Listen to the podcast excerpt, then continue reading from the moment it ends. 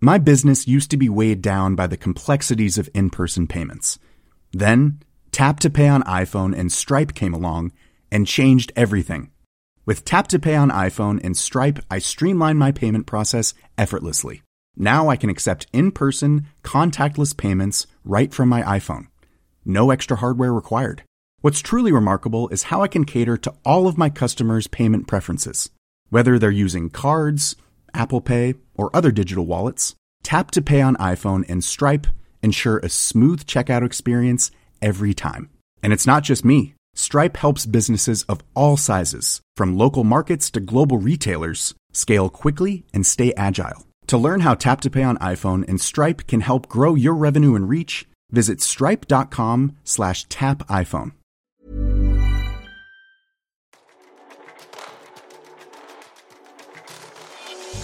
Hei og velkommen til Landsbetter Co., podkasten som tar pulsen på hvordan digitalisering og teknologi påvirker våre liv og næringsliv, og det på godt og vondt.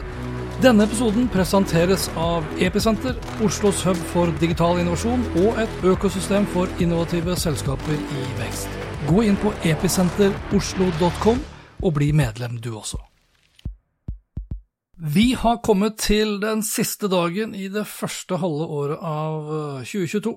Og med en lengre sommerferie foran meg, så betyr det også en lengre pause fra det å produsere innhold som det her. Men frykt ikke, jeg er tilbake igjen for fullt i august.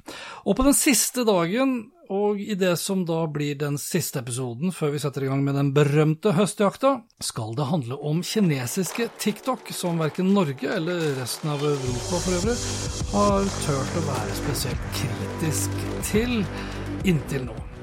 Og lenge før kinesiske TikTok tok verden med storm, så var det mange eksperter som sammenlignet sosiale medier med sigaretter. At dopaminet gjorde oss avhengige. Og TikTok sine algoritmer, som baserer seg på interesser og ikke relasjoner, og som bl.a. Instagram gjør sitt beste om dagen for å kopiere, fungerer helt fantastisk hvis da hensikten er å holde oss engasjert i appen så lenge som mulig.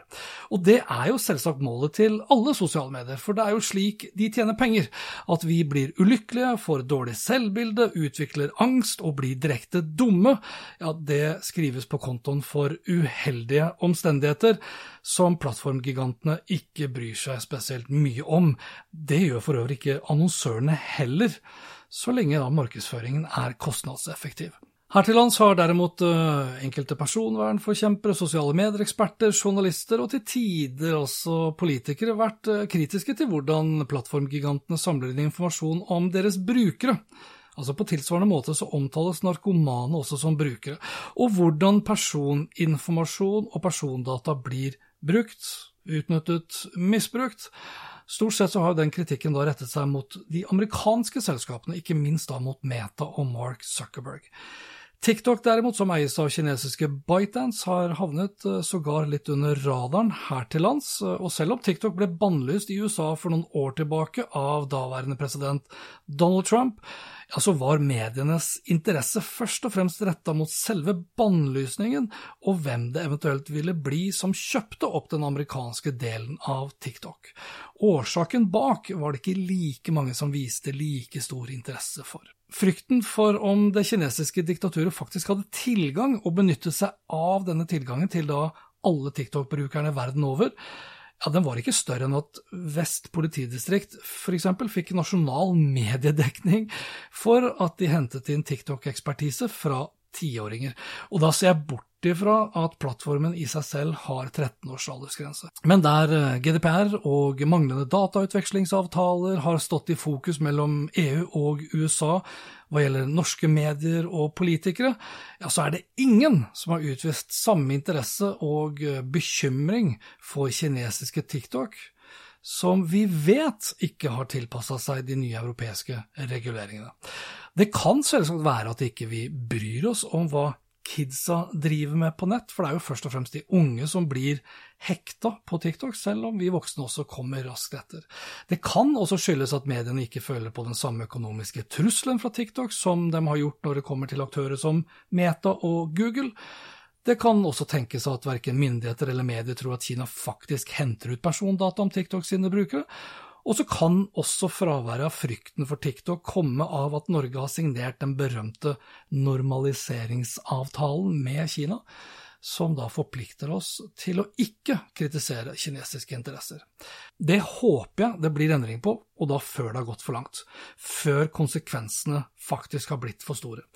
I midten av juni skrev New York Post om hemmelige lydopptak fra en rekke TikTok-møter hvor det kommer tydelig frem at det kinesiske kommunistpartiet har i lang tid hatt og benyttet seg av full tilgang til amerikanske TikTok-brukere.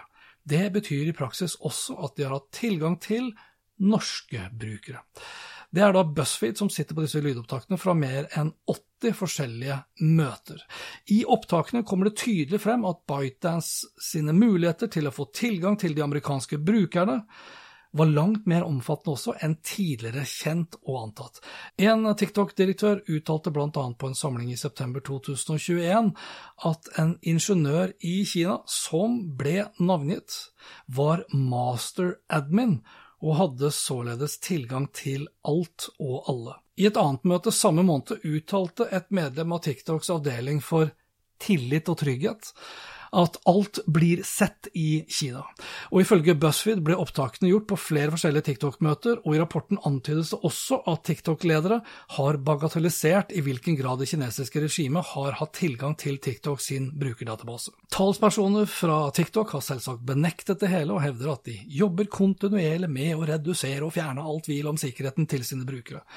Men det spiller ingen rolle hva verken ByteDance eller TikTok-ansatte sier, så lenge vi vet at samtlige kinesiske selskaper og personer, uavhengig av hvor de bor og jobber i verden, er pålagt å spionere på vegne av Kina og overlevere informasjonen til det kinesiske kommunistpartiet hvis de blir bedt om det.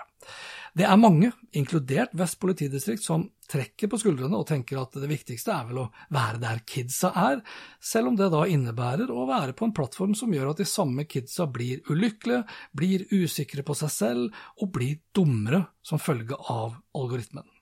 Selv om det også innebærer at personinformasjon om dem også da blir delt med diktaturet i Kina. Helt åpenbart. Og selv om da den samme personinformasjonen som samles inn, kan brukes da til å spre falske nyheter, propaganda, eller kanskje da enda verre, til å drive cyberangrep mot alt fra offentlige institusjoner til private virksomheter. For det er nøyaktig det som skjer. Heldigvis begynner noen å våkne opp, som eksempel Nato, som nylig gikk ut offentlig og stemplet Kina som en klar sikkerhetsutfordring. USA har på mange måter lenge stått eh, på barrikadene alene og omtalt Kina som en trussel, og da både i fysisk og virtuell forstand. Derimot så har Norge og store deler av Europa vært livredde for å hisse på seg sin viktigste handelspartner, for økonomisk vekst har tross alt trumfet det meste, inkludert vår egen nasjonale sikkerhet.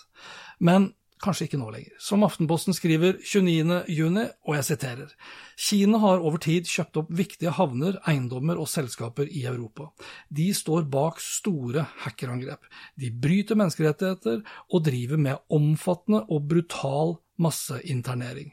Samtidig seiler de opp som en av verdens største militærmakt, med en krigsflåte som overgår USAs.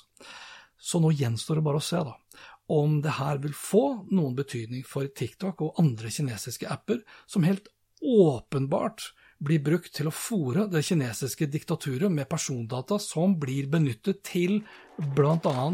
cyberangrep og spredning av falske nyheter til våre barn og overfor norske virksomheter og organisasjoner. I tillegg da, til at algoritmen til TikTok skaper en avhengighet som mest av alt kan sammenlignes med tunge narkotiske stoffer. God sommer og god ferie. Vi snakkes. Hei då!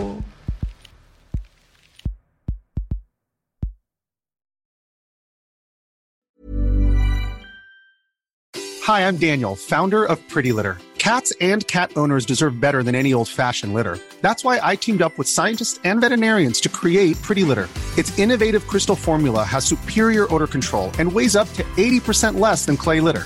Pretty Litter even monitors health by changing colors to help detect early signs of potential illness. It's the world's smartest kitty litter.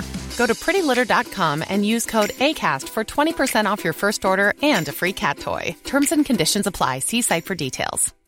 My business used to be weighed down by the complexities of in person payments. Then, Tap to Pay on iPhone and Stripe came along and changed everything. With Tap to Pay on iPhone and Stripe, I streamlined my payment process effortlessly. Now I can accept in person, contactless payments right from my iPhone. No extra hardware required. What's truly remarkable is how I can cater to all of my customers' payment preferences. Whether they're using cards, Apple Pay, or other digital wallets, Tap to Pay on iPhone and Stripe ensure a smooth checkout experience every time. And it's not just me. Stripe helps businesses of all sizes, from local markets to global retailers, scale quickly and stay agile. To learn how Tap to Pay on iPhone and Stripe can help grow your revenue and reach, visit stripe.com slash tap iPhone.